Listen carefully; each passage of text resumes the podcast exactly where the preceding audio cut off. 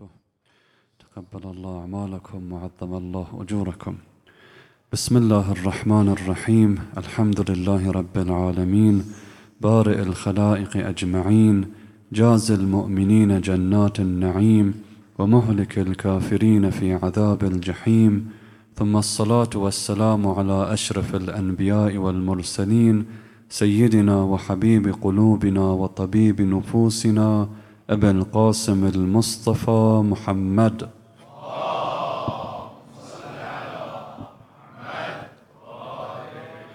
وآله الطيبين الطاهرين الغر الميامين لا سيما بقية الله في الأراضين روحي وأرواح العالمين لتراب مقدمه الفداء واللعن الدائم على أعدائهم أجمعين.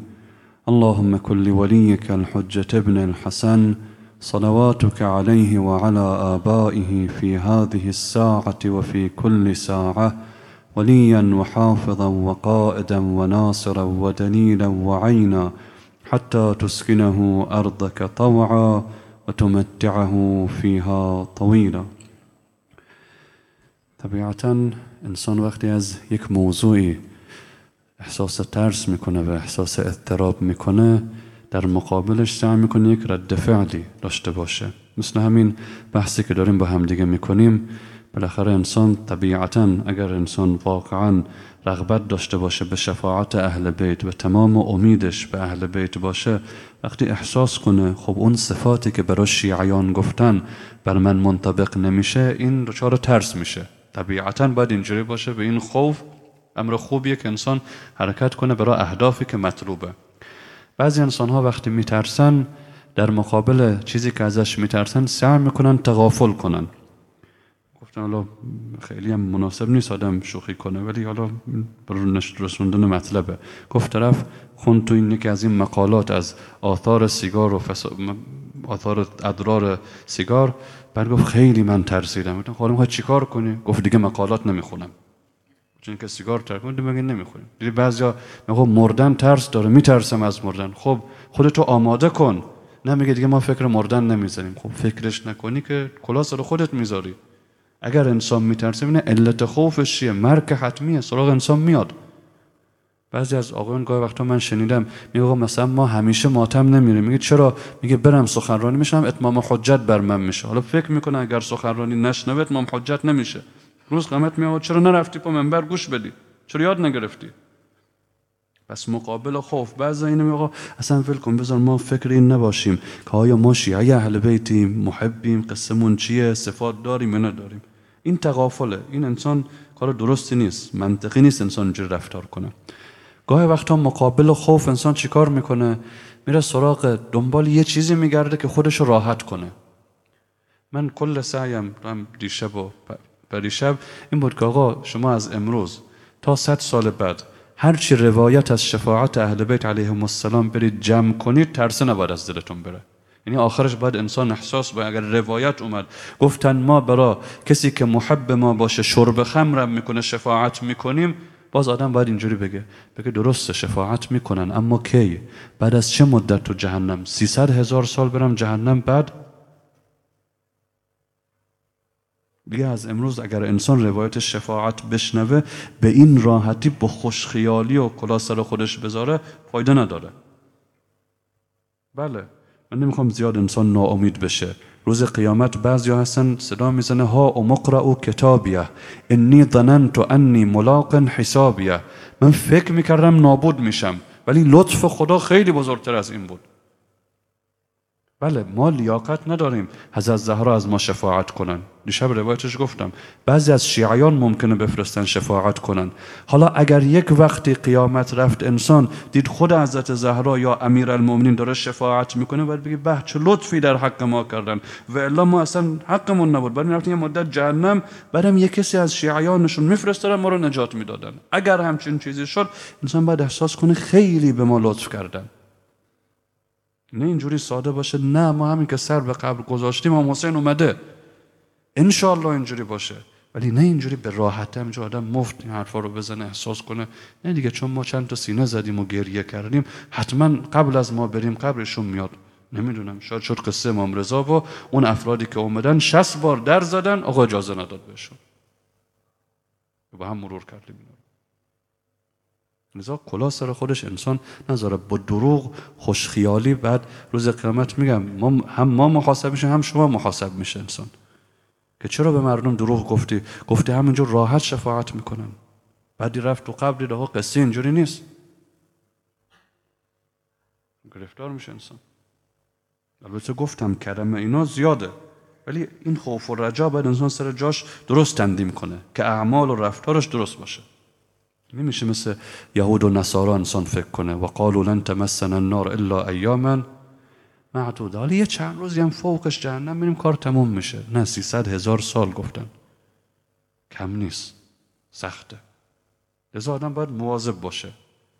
اگر این خوف تو قلب انسان ایجاد شد حالا شروع می‌کنه میگه من می‌خوام شیعه باشم. یعنی چی؟ دیدی تشییع جنازه میگن پشت سر جنازه حرکت کردن. میگه من باید دقت کنم پاهام بذارم جای پای اهل بیت. کجا گفتن حرکت کن؟ همونجور حرکت کنم. دیشب عرض کردم در بعد مسائل شرعی و حلال و حرام دیشب با هم دیگه بحث کردیم. که سر عفت و مکسب حلال با هم صحبت کردیم. حالا ابعاد دیگه دو بعدش امشب می‌خوایم با هم دیگه بحث کنیم. یکی تبعیت در بعد فکری یکی تبعیت در بعد عبادی. ابعاد اجتماعی دیگه نمی‌رسیم. اگر چه آقایون فرمودن امشب وقت داری تا پس فردا صبح ولی خب دیگه قرار نیست تا پس فردا بشین. همین دو تا بعد رو امشب با هم دیگه ببینیم چی میشه. خدا چی برامون مقدر می‌کنه. بعد فکری. تو روایات خیلی اشاره کردن که شیعه ما از لحاظ فکری و رأی لکم تبع. رأی ما باید تابع رأی اهل بیت باشه. ببینید این روایات رو. لیس من شیعتنا من انکر اربعه اشیاء المعراج والمساءله في القبر وخلق الجنه والنار والشفاعه شیعه ما حتما باید این اعتقادات درست داشته باشه. یعنی به معراج درست معتقد باشه. چون بعضی هستن میگن پیغمبر به معراج نرفته. تو عالم رؤیا خواب دیده که رفته بهشت و مسائل بهشت اینا دیده. شیعه اینجوری نیست. بعضی هستن میگن انسان میمیره دیگه سوال و برزخ و اینا وجود نداره. میگه شیعه ما اعتقادش تو برزخ درسته. بعضی میگن بهشت و جهنم خلق نشده. خب معراج پیغمبر رفته پس چی دیده؟ بهشت و جهنم هست الان. مخلوقه. و اعتقاد به شفاعت داشته باشه. این اون ابعاد فکریه. یا در روایتی من اقر بستة اشیاء فهو مؤمن. اینجا مؤمن یعنی شیعه. البراء من الطواغیت والاقرار بالولايه والایمان بالرجعه این ستا ایمان داشته باشه به اینا. خب حالا من اینجا تو حاشیه ارز کنم. گاهی وقتا طرف میگه ما اصلا این رجعت یعنی چی؟ خب اگه من قرار رأی و اعتقادم تابع اهل بیت باشه بعد تو عمرم چیزی از رجعت نشنیده باشم بعد چجوری میگم من شیعه شما هستم؟ آسون ترینش اینه که شما شیعه فکر اونا باشه. بگی اعتقاد من مثل اوناست. تا برسه به عمل انسان. این برای اینکه انسان اعتقادش مثل اعتقاد اهل بیت باشه چی نیاز داره؟ نیاز داره یه دوره عقاید درس بخونه. اعتقادات اینا در رجعت چیه؟ و ایمان به اونا پیدا کنه. جمله بعدیش می‌خونم ولی نه برای دعوا بشه ها. برای یه چیزی اضافه می‌خوام از خودم عرض کنم. ولی استحلال للمتعه شیعه ما معتقد این نکاح مؤقت حلاله. اما این حاشیه می‌خوام بگم. مسخره بازی نیست. تو یه روایت داریم فرمود مؤمن اینجوریه. اذا ظفر بالحلال اکتفا بهی و استغنا بهی عن غیره. آدم مؤمن شیعه ما جوری اگر خدا در حلال براش باز کرد استغنا می‌کنه دیگه نمیره بازی کنه. چون الان متاسفانه خیلی اینجوری شده. و این یکی از آثارش اینه که سبب میشه مردم کف پیدا کنن به چیزی که خدا حلال کرده چون ما تو تطبیق مسخره بازی داره بردیم. یه عده برای هوای نفس رفتن گفتن آقا بله ما اینجوریه. حالا مشکلاتی که تو این مسائل می‌رسه از متدینین غیر از غیر متدینین وا مصیبت هست نمی‌خوام شب شام غریبون از از زهرا توضیح بدم. چرا همین قضیه ها و تحریم الجری که اینو از ماهیه بزنید تو اینترنت راحت عکسش براتون میاد و ترک المسح علی الخفین شیعه ما اعتقادات اینجا حرف سر اعتقاداته. اعتقاداتش باید طبق اعتقادات ما باشه. یکی از جاهایی که خیلی أهل بیت در اعتقادات شیعه دقت کردن اینو مخصوصا برای ما که أهل هیئت و روزه هستیم مهمه. برای ما مهمه. چی؟ فرمان حواستون باشه. هلک فیه اثنان. رجلان. محب قال و مبغض قال. کسی که در محبت قلو کنه کسی که در بغض ما اینقدر انسان مبغضی نسبت به ما باشه. یه خودتون بلدید. المومنین بونا که غلات بودن چجوری رفتار کرد؟ زد اونا رو. حالا طبق نقل اختلاف هم هست این که آیا واقعا بوده یا نبوده. ولی طبق نقل امیرالمومنین رو آتیش زد. بعد حالا جالبه. اینا گفتن مضمون حرفشون لا یحرق بالنار الا رب النار. گفتن خب اگر علی ما رو آتیش زد خداست که جهنم داره. پس علی خداست. یعنی آتیششون هم زد آدم نشدن حالا بعد توضیح میدم. ربط بحث به هیئت اینجا نداره. ما الحمدلله تو هیئت خودمون از این مشکلات نداریم. ولی بعد میگم چرا اینو دارم عرض می‌کنم. بذارید چند تا نمونه بگم. روشن باشه وقتی میگیم قلو انسان درش میفته چجوری میفته؟ ببخشید ولی ابیات باید بخونیم که روشن باشه. اینا دیگه تطبیق عملی داره. حالا یه وقتی یه کسی یه عزیزی برای من روایت فرستاد. این روایت هست یا نیست؟ که قنبر اومده پیش امیر المؤمنین سلام الله علیه پیش امیر المؤمنین عرض می‌کنه که آقا جان حالا اینی که برای من فرستاده بود این بود. چیزی هست اعظم من الالوهیه. چیزی هست بالاتر از الوهیت؟ ایشون برگشت گفته ولایتی اعظم. یعنی چی؟ به ما گفتن دیگه الوهیت و ربوبیت مال خداست. بله آخرش عرض می‌کنم برای همه چیز میشه ترگیع کرد. برای همه چیز میشه درست کنی؟ برای لا اله الا الزهرا میشه درستش کنی. میگه اله یعنی وله ولا واله و شیدای کسی نیست میل از زهرا میشه درست کرد. ولی که قرار نیستم جو ما شوخی بکنه با همه چیز. چند بیت بخونیم. دیگه به به نگید که یه وقتی آبرو ریزی نشه. حالا اینا ابیات بعضاش معروفه بعضم خیلی معروف نیست. ولی می‌خوام نمونه که دقت کنیم. برم دقت کنه. یکی از مداهای عزیز اگر علی خدا نیست بگید خدای ما کیست؟ این حرف درسته. این حرف درست آدم بزن. یعنی اگر ما جلو امیرالمومنین بودیم می‌گفتیم اگر تو خدا نیستی پس کی خداست؟ امیرالمومنین چی کار می‌کرد به ما؟ تو روایت داره کسی اومد پیش امام رضا علیه السلام گفت رب العالمین علی ابن ابی طالب و بالله. امام رضا میگه ارتعدت فرائصه تسبب عرق گفت چی داری میگی؟ امیرالمومنین خوراک می‌خورد مثل بنی بشر بود. ازدواج می‌کرد مثل دیگران بود. حالا بله میشه درست کرد. بیا آقا رب رب الاسره هست رب اینه ولی گفتن بالاخره آدم تو ادب حرف زدن باید مراعات کنه. بله همه چیز گفتم. میشه درستش کنی. ولی قرار نیست بازی باشه اینجوری. یه بیت دیگه بخونیم. ببینید اینا چقدر گرفتار می‌کنه انسان. اینا میگم عزیزانی که این چیزا رو می‌خونن خودشون معتقد نیستن به این حرفا. از رهبری سوال کردن. گفتن آقا شبیه این ابیات کسی که میگه کافر میشه جزو مقالین حساب میشه. فرمود اینا معتقد نیستن به ظاهر حرفاشون. ولی هرچی باشه غلطه. من نمیگم کسی که این ابیات خونده کافر و مقالیه نه نه نیست. کافر و مقالی نیست.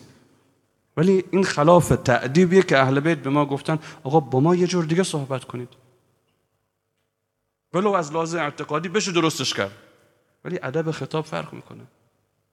چون تصور که یه کسی بنفت مثلا بشه اهل بیت مباشر می‌گفت یا رازق و یا خالق و یا این. امیرالمومنین هم جرمی نشست می‌گفت خدا خالقه. با اینکه آقا اینا والخلق بعد صنائع لنا. ولی مردم رو اینجوری تربیت نمی‌کنن. هر روز بری بیای هی شروع کنی بگی ای رازق و ای خالق و ای چی برای خدا گذاشتی بعد؟ ادب خطاب مهمه چرا به ما گفتن شما حرم میرید با ادب اذن دخول بخونید؟ چون آدم کم کم اینجور ادامه بده ادامه بده مسخره بازی میشه. ما با اهل بیت رفیقیم همین که میریم کلمه بنازیم پایین میریم داخل. نه گفتن خب باشه شما با اهل بیت خیلی هم محبش باشی ولی در بزن پیغمبر خونه امیرالمومنین از زهرا می‌رفت اجازه می‌گرفت. این اون ادب کمک انسان می‌کنه بعد راحت نگه. ما گناه می‌کنیم بعد امیرالمومنین شفاعت می‌کنه. این کی آدم این حرفا رو می‌زنه؟ وقتی شأن امیرالمومنین اینجوری پایین میاره با این حرفا بعد میگه این حرفای عرفانیه. با این حرفا عرفانی نیست. زیادی استفاده کردی زیادی خودمونی شدی با اهل بیت. حالا یه بیت دیگه بخونیم. تو اگر خدا نیستی من نمی‌دونم کعبه پس چرا فقط برای تو خورده شکاف هیدر روشنه؟ میگه اگر علی ابن ابی طالب خدا نیست پس چرا کعبه باز شده برای علی ابن ابی طالب؟ حالا که کعبه باز شد یعنی علی ابن ابی طالب خداست. خب بیت قحطی بود. بله هست ابیاتی. از این معانی عمیق داره ولی اینجوری نیست. مثل اون بیت شهریار. نه خدا توانمش خواند. ببین میگه نمیشه بگم خداست. نه بشر توانمش گفت. متحیرم چه نامم شه ملک لافتارا. این دقیق گفته گفته نمیشه بگم خداست. نه طرف بیاد تو شعرش بگه من متحیرم هزار سال نمی‌دونم علی خداست یا نیست. شهریار اینجوری نگفته. شهریار گفته می‌دونم نمیشه بگه علی خداست. ولی نمی‌تونم بگم بشره. دقیق گفته محکم گفته. گفت آن یکی خواند خدایش دیگری داند جدایش. گر از او پرسی همی گوید نه آنم من نه اینم. من نه خدام نه کاملا منفصل از خودم. پس چی هستی؟ من خداگویم خداجویم خدابویم خدا رو آیت الکبرای حق یعنی امیر المؤمنینم اللهم صل علی محمد این بیتا قشنگ نیست شعن اهل بیت نشون نمیده ولی هیچ مشکل نه ادبی مشکل پیدا می‌کنی توش به راحتی نه از لحاظ اعتقادی خلل پیدا میشه. یه وقتی یکی از بزرگواران مدعای بزرگ من تعجبم کردم ایشون اینو خونده بودن. پیش مقام معظم رهبری هم خوندم. ای رحمت بی انتهای رحمت للعالمین ای حجت الله بر حجج حتی امیر المؤمنین برز از زهرا. غلطه. اونجا که فرمودن فرمودن امنا فاطمه حجت الله علینا. بر ما امام حسن امام حسین بقیه. نه امیر المؤمنین امیر المؤمنین حجت خداست بر از زهرا. خب اینا ابیاتی که درست نیست انسان بخونه. و هست قحطی ابیات نیست. خودم دوست نمونه براتون عرض کردم. یه نمونه هم از قبل از حضرت زهرا بذارین یه بیتم بخونم چون اینم بازم از اون مشکلات داره. ای سه ساله ای سه ساله سائلت ایسا و موسای کلیم اهدنا با گریه هایت بر سرات المستقیم. این بیت مشکل داره یا نداره حالا؟ حالا که شنیدن قبلا من گفتم جای دیگه. من جواب ندم. مشکل داره یا نداره؟ ای سه ساله سائلت ایسا و موسای کلیم اهدنا با گریه هایت بر سرات المستقیم. ما وسط روزه بود می‌خونیم به به می‌گفتیم. این بیت یک کلمش غلطه. یعنی نمیگم حالا غلط صد درصد ولی یک کلمش روز قیامت انسان میگه من جواب بده. اون کلمش چیه؟ سائلت. اگر می‌گفت ای سه سال زائرت ایسا و موسای کلیم هیچ مشکلی نداشت. ولی وقتی میگی عیسی و موسی کلیم سائل حضرت رقیه سلام الله علیها هستن روز قیامت میسی رو سرات میگن جواب بده. به چه دلیل گفتی حضرت رقیه بالاتر از انبیاء العزمه با اینکه خیلی از علما وقتی سوال می‌کنن سر حضرت زینب آقا ایشون بالاتر از انبیاء العزمه نقاش دارن من نمیگم نتیجه چیه. من می‌خوام بگم اگر من اینو گفتم باید جواب بدم. طرف اومد گفت آقا بین سید ابن طاووس علی مجلسی سید ابن طاووس شأنش مثلا بالاتره. حالا مثلا مثل شبیه اینه. بعد تو عالم رؤیا خواب دید الان مجلسی اومد گفت تو از کجا میگه سید ابن طاووس از من بالاتره بشه خدا؟ چه راست باشه چه دروغ باشه. من دلیل می‌خوام برای حرفم. وقتی از علما سوال می‌کنن میگه من دلیل پیدا نکردم. من هم گفتم نتیجه ندارم میگم. بعضی از بزرگواران میگن حضرت زینب با اینا مقاماتشون از انبیا بالاتره. بعضی هم خلاف این میگن. هر کدوم برای خودش دلیل داره. ولی من همینجوری بیام بگم آقا اینو همینجور میرم هر جا بزن پست و استوری و اینستاگرام و اینا. بعد اگر روز قیامت از من سوال کردن این اعتقاد از کجا وردی؟ والله ما همینجور کیف کردیم عاشق حضرت رقیه بودیم گفتیم. خب روز قیامت اگر رفتیم حضرت رقیه من گفت چرا این حرف از من زدی؟ چرا اهانت به حضرت عیسی کردی؟ حضرت عیسی از اون طرف گردن من گرفت چرا اینجوری به من اهانت کردی؟ چی جواب بدم؟ بله اگر من دلیل دارم بگم. هیچ مشکلی نیست. میگم هست کسانی که این رأی دارن. حضرت امام اشعاری داره که حضرت معصومه رو می‌بره به اندازه مستوای انبیاء العظم ولی من اگر اینا رو دیدم و دلیل دارم می‌تونم بگم. حالا مثلا می‌تونم بگم آقا من از حضرت امام دیدم بیتی که اینجوری میگه. حضرت امام آدم معمولی نبود. اون وقت می‌تونم حضرت معصوم مقام اینجوری داره. ولی من هیچی از اینا نمی‌دونم. همینجوری کیفی اینا رو بگم روز قیامت جواب بدم. اینا همشون تبعیت فکریه. که من فکرم کاملا تابع اهل بیت باشه. شما چی گفتید از خودتون؟ از اولادتون؟ ما همونا دقیق بگیم. چیز از خودمون بیشتر و کمتر نکنیم. نه غالی باشیم نه مقصر باشیم. نه غلو داشته باشیم نه تقصیر داشته باشیم. من قبول نم بعضی همینجور. تا یه بیت میشنوه چادرت را کن روزی ما را برسان. نه از زهرا کجا رزق میده؟ خدا رزق میده. آقا روزی جامعه بخون بدون اینا چیکار می‌کنن تو عالم؟ اونم مسخره بازیه. ولی اینا هم دیگه این که علی ابن ابی طالب رو خدا به دنیا از این حرفا انسان بگه اینا هم که مسخره بازیه. اینا هم اشتباهه. نمیشه اینجوری از اهل بیت صحبت کرد. اینا نتایج بدی داره. عرض کردم اونایی که این شعرها رو خوندن یا گفتن کافر نیستن چون کسی از اینا معتقد نیست علی ابن ابی طالب خداست. ولی این غلط غلطه. غلط غلطه. نقطه ملاحظه دوم قبل از اینکه بریم سر تبعیت عبادی اینا رو که عرض کردم گفتم درباره این مجلس اینجا و عزیزان اینا صحبت نمی‌کنن. همه ما چون اکثرا دیگه الان بحرین و ایران اینا نداره. همه جا به تعبیر امروزی اوپنه همه میشنون از همه کس.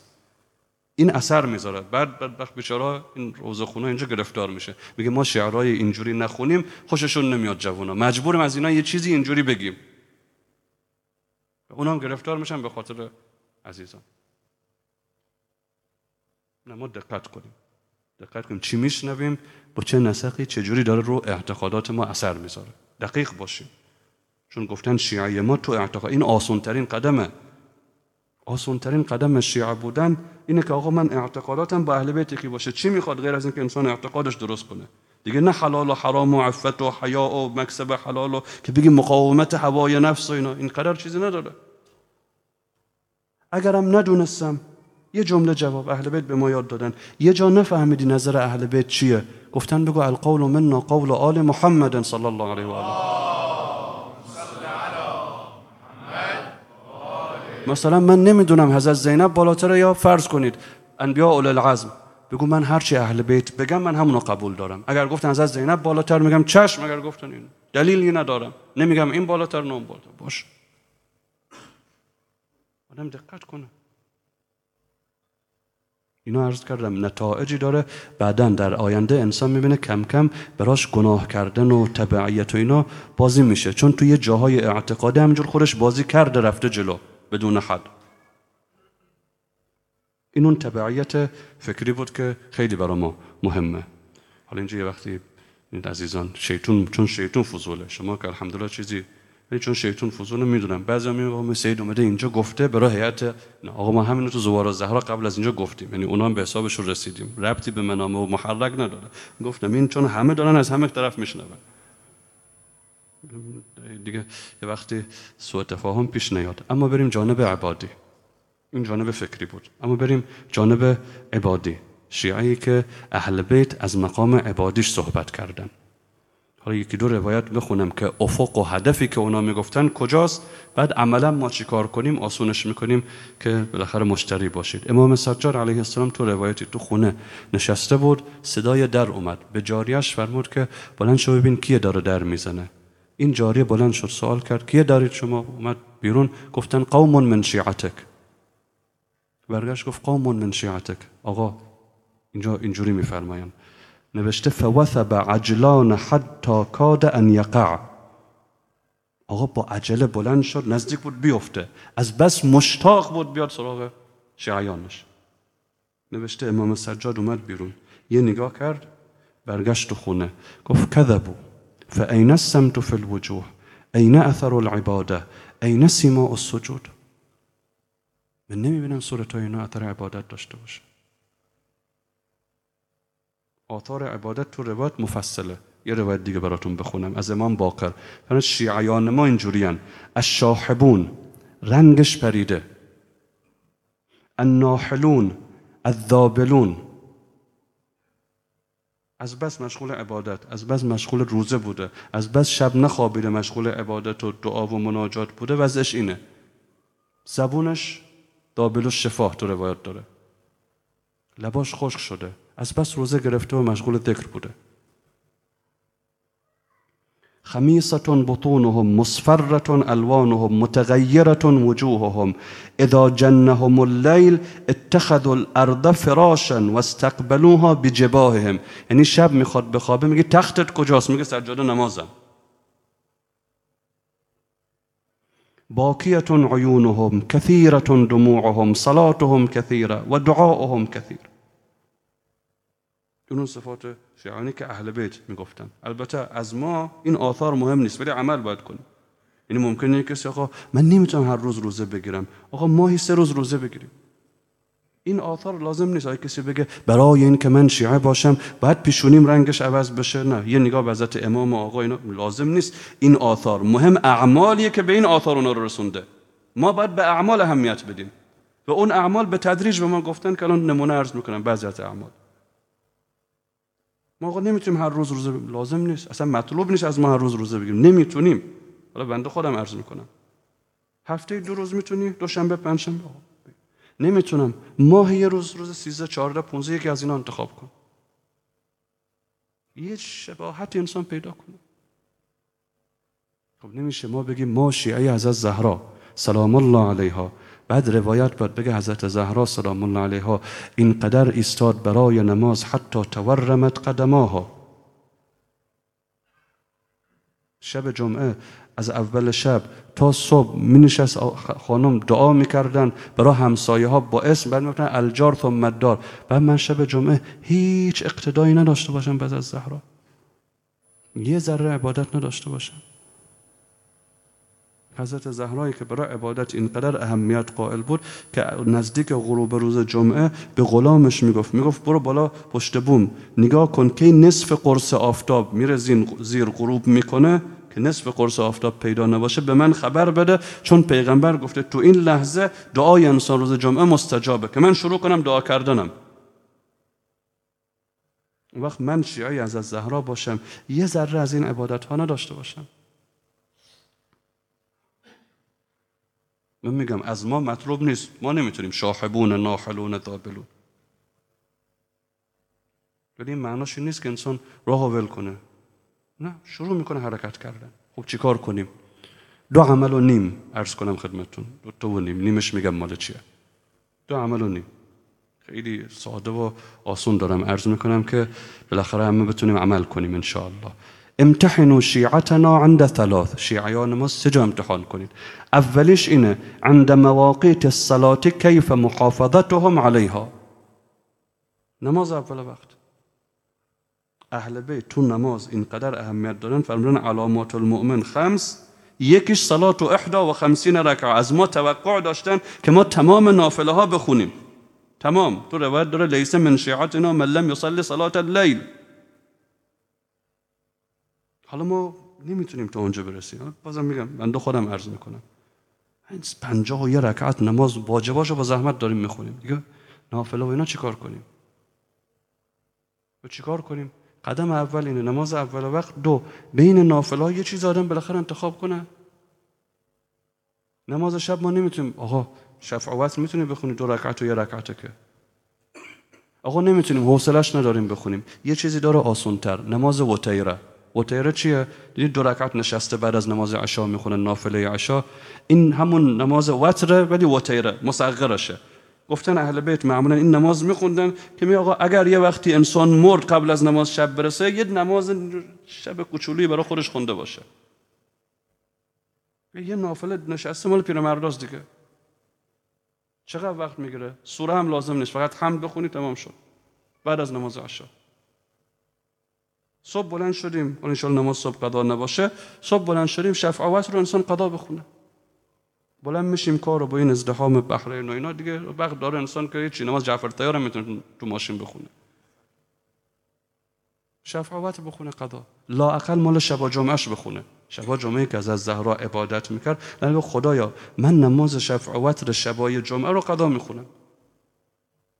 لاقل گفتن روز قیامت لیس من شیعتنا من لم یصلی صلات خدا ما درست نماز شب درست حسابی نخونیم ولی یه چیزی اینجوری هم نبود که اصلا نخوندیم. یه قضا یه چیزی خوندیم بالاخره. آسون اینا. واقعا اینا خیلی سخت نیست. اگه سخت بگید. حالا نماز اول وقت سخته ولی که نافل انسان بخونه که خیلی سخت نیست. بین اندازه این یک. اون نیمی که می‌خواستم بگم با نمازه چیه؟ فرمود امام صادق به ابو هارون مکفوف یا ابا هارون انا نأمر صبیاننا بتسبیح فاطمه کما نأمرهم بالصلاة فالزمه فانه لم یلزمه عبد فشقیه. بعد از نمازم گفتن قبل از اینکه پاتو جمع کنی بلند شی مشغولی کار دیگه سلام و اینا تسبیحات از زهرا نمیشه شیعی از از زهرا باشم تسبیحات از از زهرا میگن ما به بچه هامون با نماز یاد میدیم. حالا به اندازه مقدور. نمی‌تونه همه نمازها در کل روز یه بار. قبل از خواب یه بار. تسبیحات از زهرا و میفرمون این برای عاقبت به خیری. فانه لم یلزمه کسی که استمرار داشته باشه بر این من لم یلزمه عبد فشقیه سوء عاقبت دچارش نمیشه. با التزام با تسبیحات از زهرا این اون نیمی بود که خیلی مهمه ولی ما گفتیم نیم چون ملحقش کردیم به نماز. نماز خوندن و تسبیحات از زهرا عنصر دومی که برای عمل به درد ما می‌خوره بازم اینم آسونه. ولی برای شیعه شدن همین قدمه های اوله که ما توش گرفتاریم. حضرت زهرا فرمودن حب به الیه من دنیاکم ثلاث. اولیش تلاوت و کتاب الله. اهمیت دادن به تلاوت قرآن. امام رضا علیه السلام تو روایت داره من هر سه روز قرآن ختم می‌کنم بخوام زودتر ختم کنم می‌تونم ولی چون با تدبر می‌خونم سه روز طول می‌کشه. ما گاهی وقتای مسلسلات و سریال های هزار حلقه ای تابع می‌کنیم ختم می‌کنیم. ما یه بار قرآن ختم کردیم میگه ببخشید. خب نمیشه. اهل بیت ما خطبه هاشون ببین خطبه فدکیه رو ببین خطبه از زینب ببین. هر یه جمله چند تا آیه پشت سرش داره. همش اقتباسات آیات قرآن یعنی حرفش شده با قرآن. این بچه های غزه رو یمن و اینا نگاه کنید تا حرف میزن چقدر آیت قرآن استفاده می‌کنن. چقدر آیت قرآن. ما چقدر اونس داریم با قرآن با تلاوت قرآن.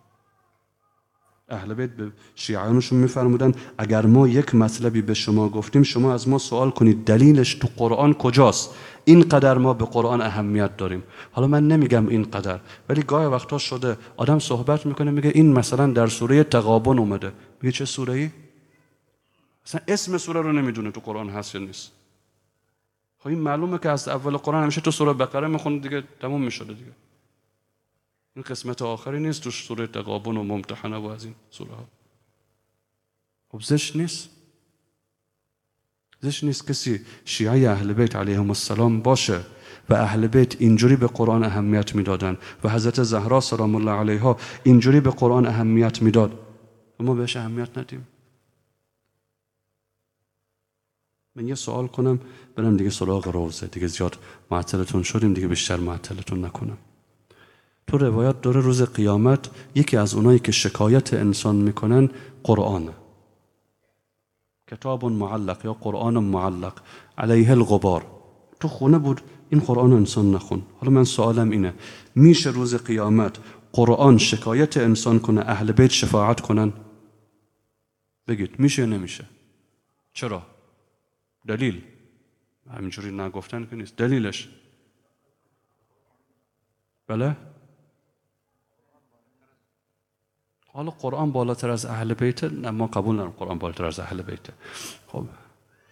ولی دلیلش اینه مگه نفرمودن لن یفترقا؟ اگر یه جا قرآن بگه من از این شکایت دارم اهل بیت شفاعت کنن افتراق میشه نمیشه. اینا یه حرف می‌زنن اونا یه حرف دیگه می‌زنن. نمیشه. باید قرآن راضی باشه اهل بیت هم راضی میشن. خب ما که گفتیم کتاب الله و عطرتی اهل بیتی هر دوتا باید با هم بگیرن. اصلا اینا دوتا نیست. دوتا نیست یکیه.